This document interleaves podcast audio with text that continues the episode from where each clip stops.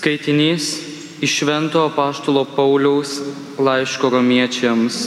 Broliai, mes žinome, kad viskas išeina į gerą mylintiems Dievą, būtent jo valia pašauktiesiems, o kuriuos jis iš, iš anksto numatė, tuos iš anksto ir paskyrė tapti panašiais į jo sunaus pavydalą, kad šis būtų pirm, pirmgimis iš daugelio brolių, kuriuos jis iš anksto paskyrė, tuos iš anksto ir pašaukė, kuriuos pašaukė, tuos ir nuteisino, kuriuos nuteisino, tuos ir išaukštino.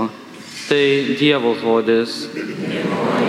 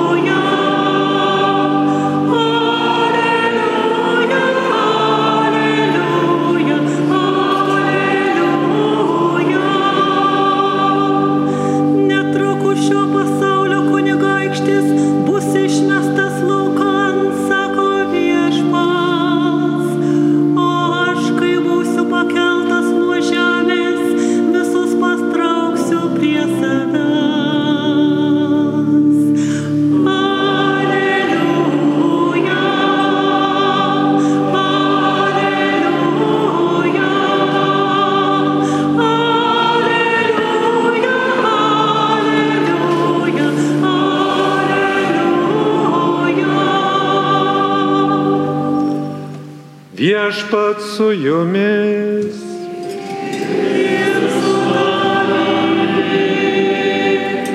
Iš Ventosios Evangelijos pagal Luką.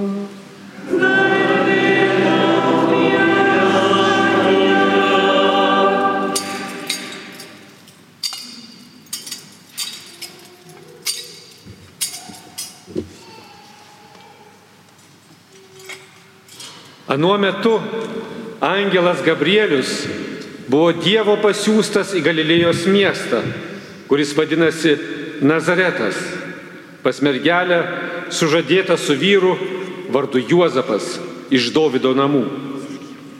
O mergelės vardas buvo Marija. Atėjęs pas ją angelas tarė, sveika, malonėmis apdovanotoji, viešpats su tavimi. Išgirdusi šiuos žodžius, ji sumišo ir galvojo savo, ką reiškia toks sveikinimas.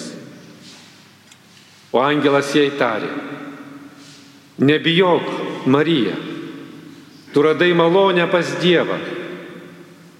Štai tu pradėsi iššios ir pagimdysi sūnų, kurį pavadinsi Jėzumi.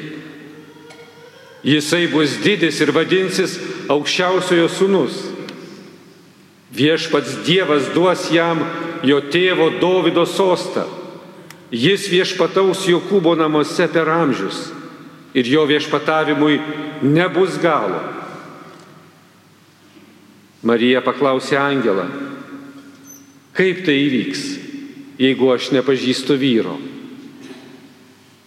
Angelas jai atsakė, šventoji dvasia nužengs ant tavęs ir aukščiausiojo galybė pridengs tave savo šešėliu. Todėl ir tavo kūdikis bus šventas ir vadinamas Dievo sūnumi. Antai tavoji giminaitė Elsbieta pradėjo sūnų senatvėje ir šis mėnų yra šeštas tai, kuri buvo laikoma nevaisinga, nes Dievui nėra negalimų dalykų. Tada Marija atsakė, štai aš, viešpaties tarnaitė, te būna man, kaip tu pasakėjai. Ir angelas pasitraukė. Tai viešpaties žodis.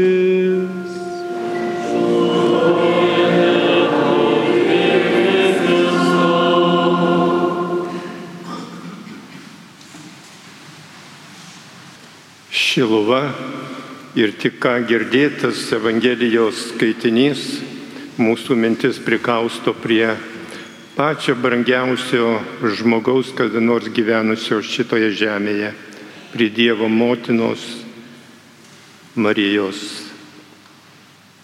Leiskite pasidalinti keliomis mintimis apie Marijos tikėjimo kelionę. Tikė, tikėjimas yra Dievo dovana, kurią mes gauname Krikšto dieną ir nuo tada prasideda mūsų tikėjimo kelionė, kuri baigėsi gimimu dangui. Šioje tikėjimo kelionėje yra labai svarbus pavyzdžiai žmonių, kurie anksčiau prieš mus keliavo šio žemės keliais ir kuriems pasisekė įsaugoti tikėjimą atnešusi gražių vaisių. Pačiu gražiausiu tikėjimo pavyzdžiu yra Jėzaus motina švenčiausioji mergelė Marija. Ja galime vadinti mūsų tikėjimo motina ir karalienė. Pirmoji mintis, kurie ateina žvelgiant į Mariją, jai labai pasisekė. Pats Dievas ją įsirinko dideliai misijai. Evangelistas Lukas, kaip girdėjome Evangelijos skaitinyje, pasakoja apie Angelo Gabrieliaus apsilankymą Nazarete pas mergelę sužadėtą su Juozapu. Angelas praneša Marijai Dievo valią ir laukia, kol ji pasakys, štai aš viešpaties tarnaitė, te būna man, kaip tu pasakėjai. Kodėl Dievas įsirinko Mariją, o ne kurią kitą moterį? Dievas pramatė, kad ji geriausiai atsilieps į jo planą ir ištikimiausiai vykdys jai patikėtą misiją. Angelas kalbėjo Marijai, Nebijok, Marija, tu radai malonę pas Dievą. Marijos tikėjimo kelionė prasidėjo anksčiau, nei apsireiškė Dievo angelas. Apsireiškimo metu Marija jau buvo subrendusi prisijimti didelę ir sunkę misiją tapti aukščiausiojo motina. Evangelija nieko nepasakoja, kaip Marija brendo šiai misijai, todėl galime tik spėlioti, kad ji gyveno vienybėje su Dievu ir visuomet buvo pasiryžusi Dievui nieko neatsakyti. Marija Dievo planui pasako taip ir nuo šio pasiryžimo neatsitraukia net didelių išbandymų valandomis o jų buvo pilnas Marijos gyvenimas. Juozapo abejonės dėl Marijos ištikimybės ir net noras palikti savo sužadėtinę be jokios abejonės labai skaudžiai žaidė Dievo išrinktąją mergelę. Marija kenčia, meldžiasi ir tyli, laukdama, kad dangus įsikištų nes jos pačios žodžiai negalėjo pakeisti Juozapo įtarinėjimų. Ateina Jėzaus gimimo metas, bet Marija neturi net pastogės. Juozapas nesuranda nieko geresnio, kaip piemenų laukia gyvuliams nuo šalčio saugoti olą. Atrodo, dangus tyli ir palieka Mariją vieną. O kaip dažnai panašiai atsitinka ir mūsų tikėjimo kelionėje. Ištikimybė Dievui visiškai nereiškia, kad mūsų gyvenimo kelias turėtų būti pabarstytas rožių žiedais. Dideliu išbandymu šventai šeimai tapo bėgimas į Egiptą. Kaip labai jis panašus į mūsų pokario lietuvius, kurie gelbėdamiesi nuo raudonojo teroro bėgo į vakarus, kad nereikėtų eiti gulago keliais. Viešasis Jėzaus gyvenimas buvo pilnas erškiečių dyglių, kurie giliai smigo į motino širdį. Tautos vyresnieji ir fariziejai buvo priešiškai nusiteikę ir spendė pinklės, kaip Jėzų sukompromituoti ar net visai pražudyti. Pagaliau atėjo tamsiausia valanda, kai Judas išduoda savo mokytoją, o kareiviai jį suima. Iš Jėzaus tyčiojamas, jis kankinamas, nuteisiamas ir prikalamas prie kryžiaus. Ant kryžiaus jis pergyvena didžiulę dvasinę tamsą ir iš jo lūpų įsiveržia dėjonė mano Dieve, ką mane apleidai. Marija seka savo sūnų kančiaus kelyje, draugė su juo kenčia, bet nesiskundžia, kad būtų Dievo apleista. Jis stovi po sūnaus kryžiumi, laiko jį mirusį ant savo kelių. Šiuo momentu Marijai pasakyti taip Dievo valiai be bejonės yra sunkiau nei anuomet, kai angelas apreiškė prieškimo žinę, bet Marija ištikima iki galo. Marija gyvena ne savo, jai visuomet rūpi sūnaus Dievo reikalai. Apsireiškusi čia Šilvoje, Marija nesiskundžia, kad žmonės ją užmiršė, bet ji verkia, kad užmirštas jos sūnus. Ji kalba, Čia buvo garbinamas mano sūnus, o dabar čia ariama ir siejama. Pereito šimtmečio pradžioje apsireiškusi Fatimoje, Marija taip pat susirūpinusi, kad pasaulis paskendęs nuodėmėse ir kviečia daryti atgailą.